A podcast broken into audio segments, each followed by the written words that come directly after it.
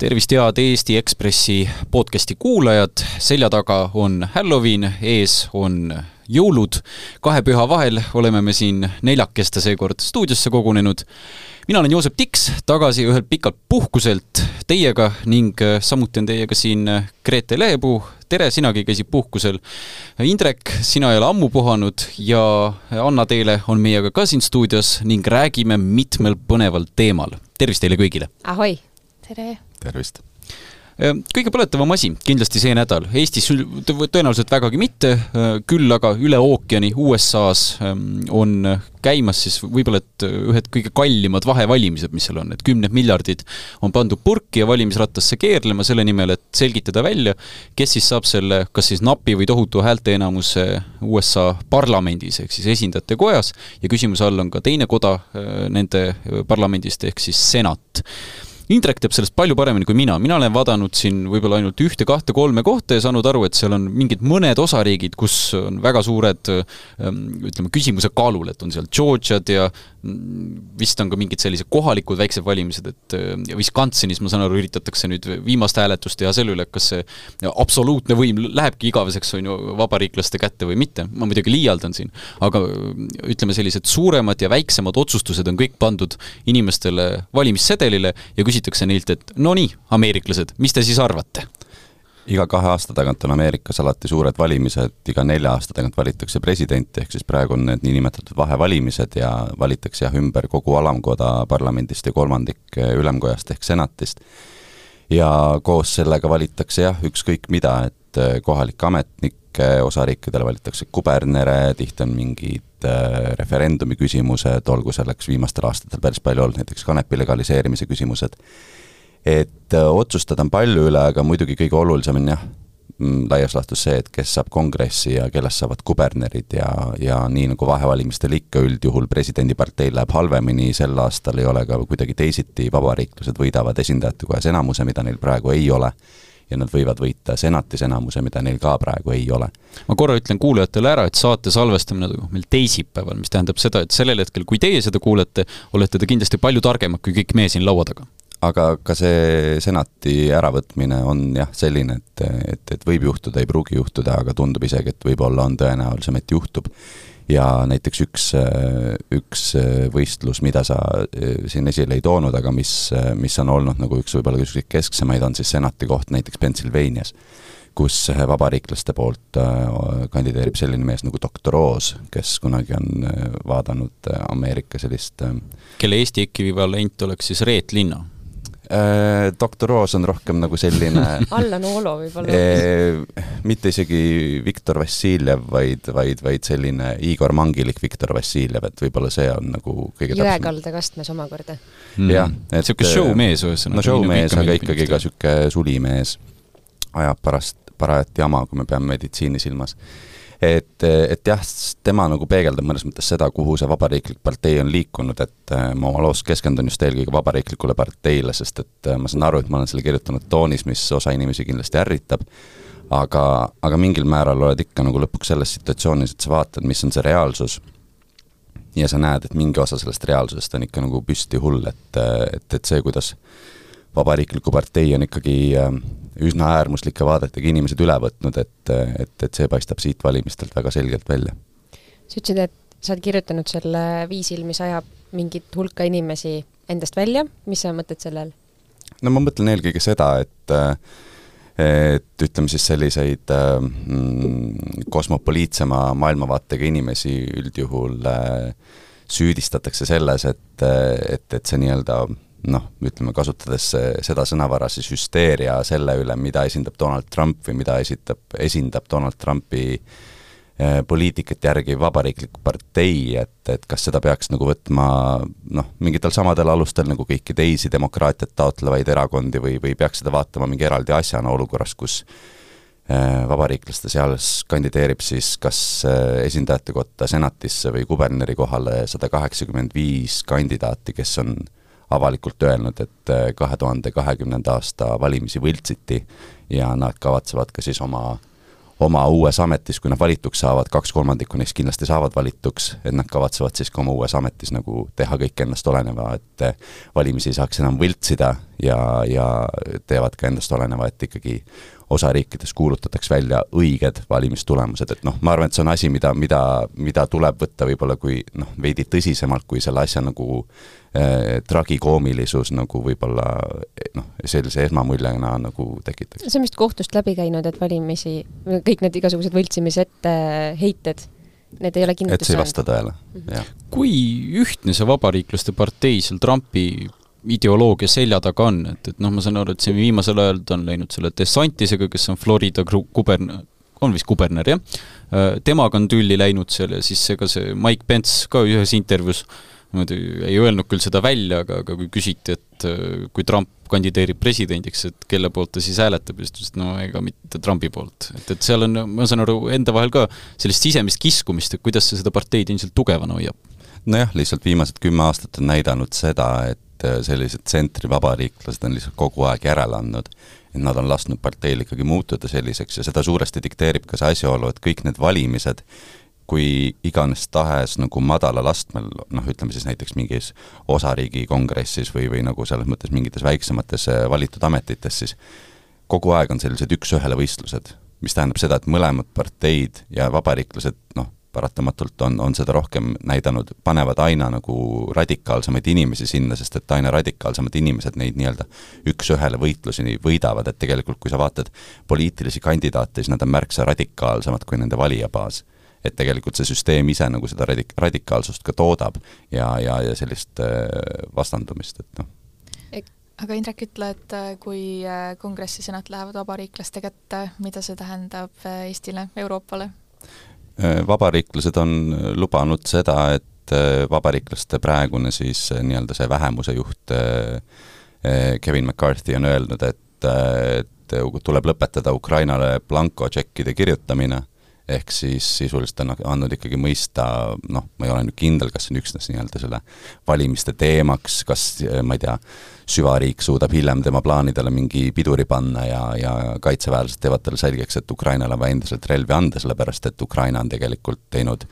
Ameerika julgeoleku jaoks viimastel aastakümnetel äh, rohkem kui ükski Ameerika president, nii ütles ajaloolane Timothy Snyder näiteks, et, et, et selles mõttes äh, Äh, on nagu raske öelda, kui palju just välispoliitika muutuks, sest et kui me meenutame Trumpi aega, siis tegelikult võiks ju öelda isegi, et Eestile mingil määral need neli aastat olid kasulikud, sest et siia tuli rohkem Ameerika sõdureid, Eesti oskas ikkagi laias laastus Washingtoniga suhelda selliselt, et kogu Ida-Euroopa oli pildis, et, ähm, et noh, ma arvan, et nüüd homne päev midagi, midagi otseselt, otseselt ei muutu. kas see ütleme, vabariiklased võidavad, võtavad senati, võtavad äh, esindajate koja, et äh, mida see ütleb äh, Bideni enda kohta, kas kahe aasta pärast see tähendab tema ametiajale ja presidentuurile hingekella? no iseenesest see on hästi tavaline, et pärast esimest kahte ametiaastat kaotatakse vahevalimistel. et ainuke kord, kui siin viimase paarikümne aasta jooksul see ei ole juhtunud, oli kaks tuhat kaks aga, aga siis sellele oli eelnenud ikkagi nine eleven, kus tegelikult George Bushi ja vabariiklaste toetus oli sel ajal nii kõrge, selline noh, mõnes mõttes niisugune rahvuslik ühtsus oli, oli, oli seal Vabariikliku partei taga, aga, aga muidu alates vähemasti Bill Clintoni ajast kindlasti on alati vahevalimistel vähemalt üks koda kaotatud, nii et, et selles mõttes, selles mõttes siin ei ole otseselt jah, midagi, midagi nüüd erakorralist, aga, aga paratamatult tähendab see seda, nii nagu see Obama jaoks tähendas kahe tuhande kümnendal aastal, et ikkagi oma nagu päris poliitikaid ellu rakendada on üha raskem mulle tundub, et iga kord valimiste järel või, või napilt enne valimistulemuste väljakuulutamist, kui on see võitlus olnud väga vihane, väga tuline, kasutatud on mingeid eri, erilisi räpasid võtteid, siis tekib see arutelu, et äkki me peaks seda süsteemi muutma. et äkki, äkki ikkagi peaks olema, ma ei tea, kuus aastat parlamendivalimised, noh näiteks Eesti kontekstis, ja, ja USA puhul on seda ka, tuleb ikkagi jälle arutellu, et, et poliitika tegemiseks ei jää aega, kogu aeg on üks kampaania kampaania otsa ehm, kas siin, mulle tundub sinu jutust, sellest artiklist jääb ka selline mure kuidagi kestma ja, ja üles, et see, kogu see kampaania viib mingisugusesse uude äärmusesse poliitikat ja ajab nagu rahvast lõhki. et kas see on sümptomaatiline nendele valimisajale või sellele samale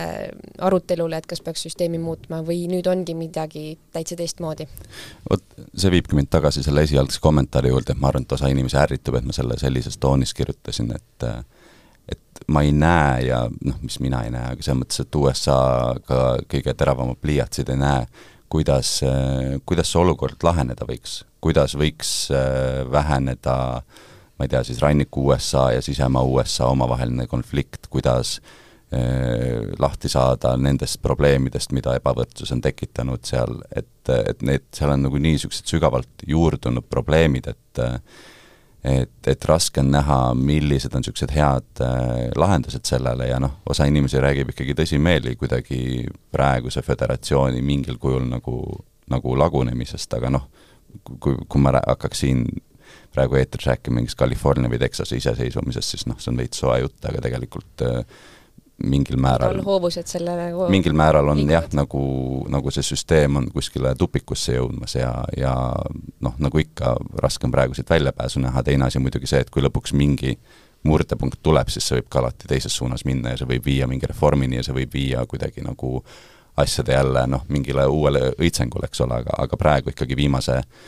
noh, laias laastus ikkagi viimase viieteist aasta poliitika näitab seda, et, et see süsteem on aina rohkem äh, aina rohkem kuidagi kokku jooksnud ja, ja pigem ongi see, et see ei tundu meile nii tõsine, sellepärast et me oleme juba normaliseerinud nii palju ebanormaalseid asju. mäletan Obama ajast võib-olla, et see kõige no kas nüüd tüütum või ebaefektiivsem või imelikum osa sellest, kui president oli demokraat ja esindajate koda oli äh, vabariiklaste käes, samuti vist senat toona, et äh, seda kutsuti gridlockiks, noh mis sisuliselt on, kuidas see eesti keeles õige olekski, et, et mingisugune tabalukk öelda selle kohta või, või? Või see noh, USA-s vist gridlock kasutatakse kõige rohkem siis, kui äh, vaata, kui sul on nii-öelda ris-, kaks teed ristuvad omavahel ja kõigest, kõigist neljast suunast siis nii-öelda sõidetakse see kinni ja keegi ei pääse enam liikuma, et noh, see suuresti nii on. umbsõlm võib-olla oleks hea sõna. jah, et sinna. president tahab midagi teha, parlament blokeerib seda pidevalt ja, ja siis jah, presidendil on üks väike väike nipp veel, mida ta saab kasutada siis. jah, et kuigi no Elon Musk ütles selle kohta vist, et jõudude tasakaal, kui ta siin just täna, kui ma ei eksi, Twitteris seal äh, soovitas vabariiklasi valida, siis äh, oht on muidugi, et USA jookseb kaheks aastaks äh, teatavasse stagnatsiooni, sest ühtegi otsust vastu ei saa võtta põhimõtteliselt jah, aga mingil teisel kujul võib öelda, et nad ei ole suutnud ka paljusid otsuseid vastu võtta juba viimase kümne aasta jooksul, et et ma oma loos räägin natuke selle tausta lahti ka, aga, aga jah, et et mõnes mõttes ongi, et see probleem on olnud pikaajaline, aga kuna niisugust silmnähtavat pauku ei ole käinud, siis osa inimesi arvab, et järsku see asi on kuidagi vahepeal korda läinud. aga tegelikult ei ole ja, ja, ja noh, paratamatult see toob tulevikus jälle mingi, mingi, mingi teistsuguse paugu kaasa aga lähme teistsuguse paugude juurde, ehk siis teemale, kus on meil kõne all rohkem kui viiskümmend tuhat Ukraina naist, kellel on püssid. mis tähendab seda, et seal, erinevalt siis USA-s, kus kümme aastat midagi pole ära tehtud, on võib-olla vaata paari kuuga tehtud rohkemgi ära, et, et ei tea midagi, pigem äh, Ukraina armee ja Ukraina armees sõdivad naised äh, just viitavadki USA-le, viitavad brittidele, et seal on sõdurite naiste vormid ammu olemas juba aga kus, miks Ukrainas ei ole riik, mis on kaheksa aastat juba sõjas? aga need, ma saan, kas nad ei ole nendest äh, murekohtadest üle täiesti saanud, et, et äh, üht-teist varustust on neil ju liikunud, et Anna Teele, ma saan aru, vestles meil ukrainlannadega ja, ja uuris nende varustuse kohta? jah, tõepoolest, äh, ma vestlesin siis ühe MTÜ-ga, mis loodi nüüd aprillis Ukrainas ja see loodigi selle tulemusel ja mõjul, et Ukraina valitsus ei olnud mõelnud naistele ja neil ei olnud vorme. Ja siis äh, ühed äh, krapsakad Ukraina naised otsustasid, et nad hakkavad ise neid neile organiseerima ja ja siiamaani, et äh, nii palju, kui ma aru sain, siis need naiste vormid tulevad sealt, et Ukraina valitsusel on ju siis nagu muud tegemist praegu, kui sellega tegeleda, kui see lahke MTÜ niigi tegeleb, muidugi annetuste toel no mis need vormi eripärad on, et ma ise kujutan ette, et noh, ega see French on ikka samasugune, saapad samasugused, kiiver samasugune. No.. no jaa, aga kui, kui sa mõtled äh, mehe peal, no pane silme ette mees ja naine, täitsa nagu tavamõõdus mees ja naine, hakkame peast minema, no naisel enamasti on pisut väiksem pea kitsamad õlad. kui sul on kitsamad õlad, siis see tähendab, et mehe õlgade järgi õmmeldud French, tema see õlakoht lõpeb naisel kuskil siin poole ähm, käe peal või isegi küünarnuki juures. mis juhtub liikuvusega kätel, kui sul see ei ole õiges kohas, see õmblus? no sa ei saa käsi liigutada nii vabalt liigume allapoole, püksid, okei okay,, puusadest enam-vähem sama, on ju, aga vöökohast, et see, see koht, mis naistel nagu need meestepüksid, mis naistel puusad on parajast, need on vöökohast ilmselt suured. sest naistel on no liivakella kujuline on ju keha ehm,. pead pükse hakkama, ma ei tea, haagnõeltega või mm, -hmm. või ise ümber õmblema või vööga kinni tõmbama okei okay,, sa saad, need püsivad sul jalas, jällegi sa, aga see on nagu üks takistus, millega sul on raske, ma ei tea, kaevikus olla ja. või appi minna või olla meedik või vahet ei ole, mis su roll seal on, sa ei, sa ei pruugi olla nagu snaiper rindel. aga mis tahes rollis, kui sul on vaja tegutseda, siis viimane asi, millele sa tahad mõelda või takistus, millest üle minna, peaks olema see, mis sul seljas on mm. -hmm. ongi on... elu ja surma küsimus. aga sõda on ju kuus kuud kestnud, et mis nad senimaani teinud on? kes nemad? Ukraina naised, kes seal relva all on. Eks nad järgemööda nüüd ongi saanud ju sellest nad ongi aprillist ja. Äh, saati siis saanud neid vorme, et see MTÜ, kellest ma kirjutasin, saadab päevas umbes viiskümmend äh, saadetist laiali siis eesliinidele. Ja huvitav on ka see, et äh, neid vorme läheb nagu vaja ka samadel sõduritel, kuna kui on rünnakud, siis need põlevad maha, on ju, seal baasides, ladudes kuskil, naised põgenevad, siis neil on kohe uut vormi vaja ja tegelikult erihooajal peaks olema ideaalis erivorm, et nad on nüüd proovinud sellele mõelda ja siis Harkivis on ka üks tehas, kus äh, neid nüüd valmistatakse. et see, see on noh, omapärane selline mm, mingi selle emantsipeerumise või, või feminismi puhang, millest tegelikult Ukraina naissõdurid on rääkinud mõnda aega juba nüüd lihtsalt see probleem on nii akuutne, et iga, iga oskaja naine on nii vajalik, äh, nii et nüüd nende hääli kuultakse rohkem. et enne seda ainuke ametlik armee vorm, mis naistel oli, oli jakk, seelik ja kontsakingad, ehk siis paraadvorm. no paraadvorm. et kui sa mõtled meie naiskodukaitse peale või keda sa paraadil naisi näed, siis pigem nad on ju seelikus. Need kingad tulevad silme ette jah, aga nendega kaevikusse ei lähe ja sellepärast äh, siis hakatigi neile hoopis saapaid saatma, sest äh, sa ei lähe ka kaevikusse meeste saabastega number nelikümmend viis, kui sul on endal võib-olla number kolmkümmend kuus, et äh, ja ongi naised seal eesliinil, rindel tulistamas? absoluutselt, tassivad Javeline seljas samamoodi, et et selles mõttes loomulikult noh, füüsiline seal, seal ei ole nagu möödavaatamist sellest, et, et kui, kui sa oledki väiksemat kasvu kui mees, eks sa jaksadki füüsiliselt veidi vähem, aga aga sa oled sama täpne, sama nobe, sama nutikas et see on ähm, täitsa ammu ära tõestatud. eks seal on ilmselt ka ikkagi mingi ühisosa nagu selles, et või niisugune kattuvus, et äh, tugevad naised on ikkagi nõrkadest meestest tugevamad? no tegelikult on ju suva, et ma mäletan oma ajateenistust teenistusest või Kaitseliidust, et, et noh, selles mõttes olgu seal mingi pisike mees või naine või suur mees või suur naine või noh, tegelikult tööd jagub kõigile, et selles no mõttes just, tööpuudust just, just, ei ole kunagi rindel. Mm.. ja mõel-, ja üks asi, mida, mis mul jäi Anna teile loost kuhugi veel kõlama, et kui seda vormi peale mõelda, see asi, mida veel ei ole olemas, on aluspesu Eesti kaitseväelane saab ju ka aluspesu tegelikult ju Kaitseväest. ma ei tea, palju ta seda kannab muidugi. ajateenijad vähemalt on ju saavad, et see, sellel on ju konkreetne põhjus, et ta on, ilmselt on ta vastupidav ja mugav või siin ma ei oska nagu kaasa rääkida, aga ma tean, et seal naistel on, on küll see soov veel, et et on hästi kuulsad sõdurite sokid, mis on nagu tõesti vastupidavad ja mõnusad jalas ja hoiavad ah, sooja. sokid on teine teema, jah. ja, ja aluspesu peaks ju kahtlemata olema Indrek või, või ma ei tea, kes iganes võib mind parandada, kas ei olnud see Napoleoni vägede üks äh, hukatuse samm Moskva all, kui, kui sõdurid olid äh, siit, siitpesus selleks, et äh, siis nagu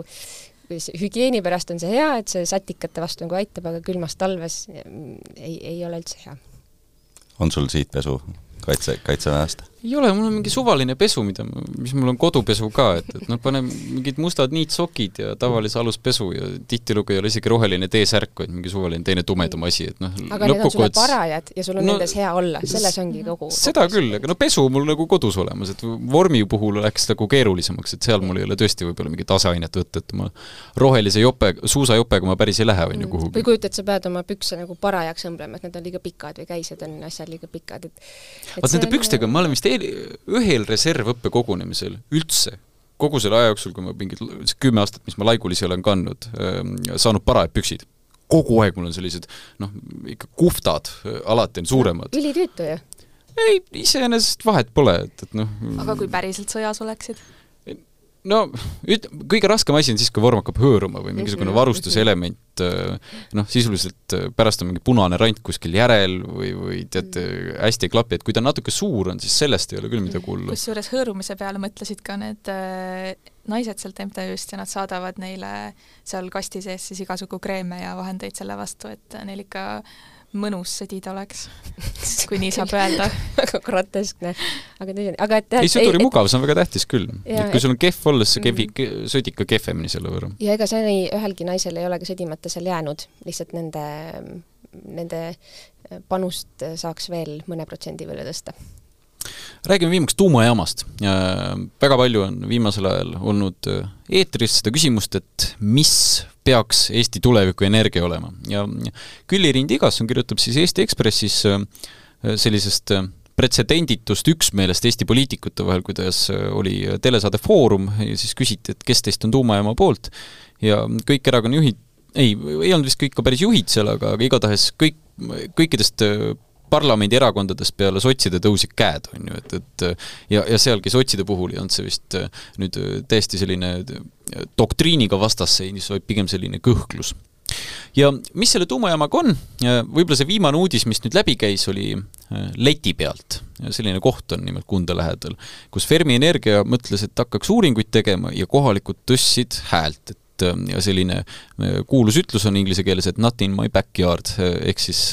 minu tagaaias midagi ei tohiks teha ja see leti pea oli üks kohtadest, mis siis välja vaadati, kuhu võiks tuumajaam siis üldiselt tulla, et, et neid Fermi Energia tellis siis kahe tuhande kahe,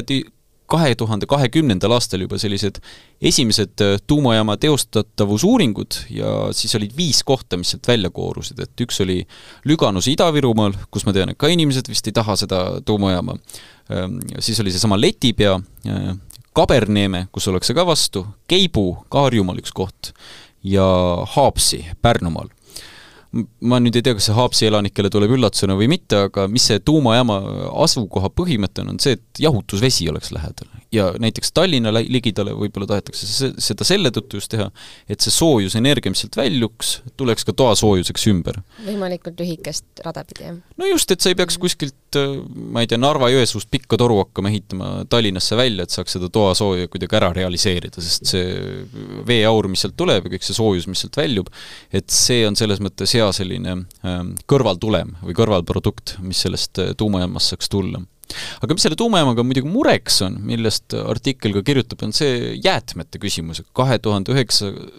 kahe tuhande üheksakümne viiendaks aastaks peaks olema selline nii-öelda lop-, lõpp-produkt tuumajäätmetest ladestatud, aga pole välja mõeldud, kuhu täpselt. selle, kõik probleem, kõik riigid on maailmas enam-vähem sellega hädas, et, et kui sul just venelaste moodi pole võimalik Koola poolsaarel ära uputada, on ju, neid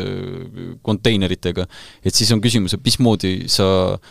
tegutsed nende varrastega ja tuumajäätmetega, mis sealt tulevad ja Kalev Kallemets on siis selline mees, kes selle Fermi Energiaga tegutseb ja tema ütleb artiklis, noh, mulle jäi muidugi mulje kuidagi selline pool õlgu kehitavalt, et on olemas niisugune deep isolation tehnolo-, tehnoloogia, kus siis äh, iga kümne aasta tagant tehakse üks-kaks puurauku kuhugi maa sisse ja siis lastakse nüüd kütusevardad äh, tuhande meetri ehk siis kilomeetri sügavusele maapinna sisse, et kuidagi, ma ei tea, betoneeritakse ära. et ma ei tea, ma noh, ega see jäigi natuke, ma pean veel guugeldama, et mis see tehnoloogia siis täpselt on, et miks teised riigid seda ei kasuta, aga äh, Kalle Metsoja sõnul oleks siis Eesti selline nii-öelda pioneer, kui ta seda teo-, tehnoloogiat hakkaks kasutama, sest keegi teine seda veel maailmas ei tee. Võib-olla, et aru saada nendest mastaapidest, siis ähm, need vardad on neli meetrit pikad, läbimõõt kümme sentimeetrit ja kaaluvad kolmsada kilo, need imbud mm. -hmm. tegelikult need, see on no päris, päris suured asjad ju. ja iga aasta tuleb vist kolmandik neist välja vahetada, mis tähendab seda, et päris suur hunnik sellist tuumakütust tuleb ikkagi ära töötada, seal oli vist mitusada tonni, mis seda jäädet võib tekkida ikkagi. pooleteise aasta jooksul kakskümmend kaks tonni no vot, vot, vot, et noh, ma veoautodesse ei oska seda ümber arvutada, aga kindlasti mõnes mõttes ma saan aru, miks letipea inimesed on mures, aga teises mõttes mul jällegi on see, et nagu kuhu me siis ehitame selle tuumajaama, nagu kui inimesed kõik on poolt, et teeme tuumajaama, siis noh, ma ei tea, tulgu tehku minu tagaaeda. no see on lihtsalt vähemasti see hea osa, et kuna maa hinnati nüüd ümber, siis sellega koos tõusid need taluvustasud, nii et kui see lõpuks kellegi tagaaeda ikkagi ehitatakse, siis ta saab selle eest oluliselt rohkem raha, kui ta oleks eelmiste maahindade järgi saanud. raske on minu meelest see tuumajaama arutelus mingisugust ähm, niisugust keskteed siis leida, ütleme Fermi energiatüübid, kes äh, kõige rohkem teavad sellest kõige uuest moodsast mooduljaamast, kus ei ole tossavaid korstnaid ja mis ei sarnane, sarnane mitte kuidagi Tšernobõlile, mis meid ilmselt hir-, hirmutab, ja sarna-, sarnane ka Fukushimale, kui ma õigesti olen aru saanud, äh, et mm, et kas me saame neid usaldada, nad müüvad ju oma ideed, oma äri, oma kaupa, ja aga samas nad on kõige rohkem need, kes seda teavad, on ju, et, et äh, me kipume kindlasti võtma neid sellise mm, skepsisega ja kindlasti ka letipea inimesed, sellepärast ähm, noh, neile jäi ka mulje, on ju, et et neid ei ole kõike ausalt võib-olla ära räägitud, eks me kipume kartma nagu neid uusi, uusi mõisnikke, kes meile oma tuumajaama tulevad äh, maha müüma. ja teistpidi, ajad on ikkagi muutunud, jah. aga õigustatud ongi ju öelda, et äh, maksame siis neile inimestele, kes seal piirkonda jäävad, maksamegi mingit normaalset toetust, noh, et see ongi selle hind, et lihtsalt äh, saada see tuumajaam sinna ehitatud, et, et noh, tuleb tõele au anda, eks ole, et kui mul oleks kuskil neis kandis, eks ole, ma ei tea, näiteks mingi suvila, mille ma olen mingi perspektiiviga endale ostnud ja korda teinud, et noh, siis ma mõtleks ka, et noh, ma ei tea, et, et see ilmselgelt ju mõjutab negatiivselt seda kõike, millesse mina olen investeerinud, et et noh, ja, ja kui tegu on inimeste kodudega, siis seda enam vot see meri on kena küll, aga nagu üks pagana needus, et kui sa tahad kuidagi majanduslikul otstarbel seda rakendada, siis kõik hakkavad oma ilusat vaadet äh, taga nutma. et ja. ma ei tea, kas riik võiks siis võtta selle inimesed ja öelda, et me anname teile võrdväärse hinnaga maalapi kuskil mujal mere ääres siin Eestis, et äh, minge kolige Vormsile näiteks või midagi sellist või et, et noh, mis see õiglane vahetuskaup oleks, et ilmselgelt võib-olla nagu kui sa oled terve elu pannud sinna kuhugi tallu, sa tahaks kiiresti võib-olla siis selle realiseerida, mitte kuskil aastate vältel koguda väga palju, on ju, taluvustasu, kui seda tuumajaama kuskil, ma ei tea, viieteist aasta pärast lõpuks püsti pannakse, et ja te, te teine asi selle tuumajaama puhul muidugi noh, mis tekitab mul muret, on see, et ega teda tulebki ju värske vee äärde panna või, külma vee äärde, kus ligipääs on jahutuseks olemas, et me ei saa seda kuhugi Paidesse kolida. kindlasti Paide rõõmustaks ja ega seal muud ju ei toimu. aga, aga noh, see tuumajaam rannikul on nagu paratamatus, et kuhugi see tuleb teha ja tegelikult Tallinna lähedal on kõige mõistlikum, sellepärast et meil on need kõrvalproduktid, mida saame, saaksime kasutada. jah, minugi poolest.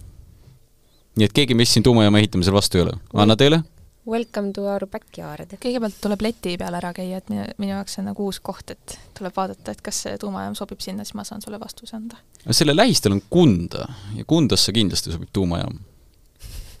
esteetiliselt või aga muidugi see, et me siin naerame, minu meelest äh, iseloomustab ka hästi seda teemat, et noortele väga ei kipugi korda minema see teema või vähe, vähemalt nad ei ole väga tuumajaama ähm, uuringute järgi nagu tuumajaama suurimad pooldajad, pigem on need vanemad inimesed ja pigem mehed. no siin on ka need äh, ikkagi need keskkonnaküsimused, et äh, tegelikult ju on mingeid keskkonnaühendusi, kes ütlevad, et see ei ole kõige parem mõte, et see ei ole nagu pikas plaanis äh, hea lahendus. et ikkagi tuulepargid on hea lahendus aga tuuleparke tuleb samamoodi välja vahetada, et, et võib-olla jah, peaksime äkki oma tööplaani võtma sellise võrdluse. ei no jaa, ja lõppkokkuvõttes kõigi nende energiatootjate ühe mene, mere, merepanorampildi peaks tegema, siis võtma sellise äh, fookusgrupi ja hindab, et mis nende vaadet siis kõige rohkem segab, kas see tuumajaam, tuulepark, päikesepaneel, sest kõik, kogu aeg on inimesed millegi vastu. no ja kõige selles kontekstis kõige nagu paratamatum on ka see, et tegelikult on ikka kõiki asju vaja et meil peabki olema kõiki neid erinevaid allikaid, sellepärast et tuumajaama eelis päikese ja tuule ees on mõistagi see, et kui sul on tuumakütust, siis sul on energiat. et see ei sõltu mitte pidev vool on. kui sul on meretuulepark, siis sul on ikka pidevalt ju tuult ei pruugi olla või noh, selles mõttes tuult on pidevalt, aga see ei tähenda seda, et ta saadab ju sulle võrku pidevalt püsivat sagedust ja energiat, sul peab olema see elektrijaam, mis hoiab seda sagedust üleval, mis seda pinget hoiab üleval, kus oleks pidevalt seesama ähm, äh, voldiga särts oleks sees, on ju, et, et noh, kui sul on see meretuulepark, siis sul on väga palju kõikumist seal. ega midagi, ahiküte no just. avame siis tuumadebati, oi, me saame valimiste eel kõvasti kuulda seda veel. no kindlasti meist on targemaid eksperte olemas kuskil siin maa, Eestimaa peal, kes kindlasti teevad arvutused ära ja teevad selgeks selle kõik, et minu arust saab kõike välja arvutada. aga selleks korraks äh, ütlen teile adjöö, suured tänud, et siia tulite ja kuuleme teid siis äh, tõenäoliselt järgmisel nädalal. aitäh!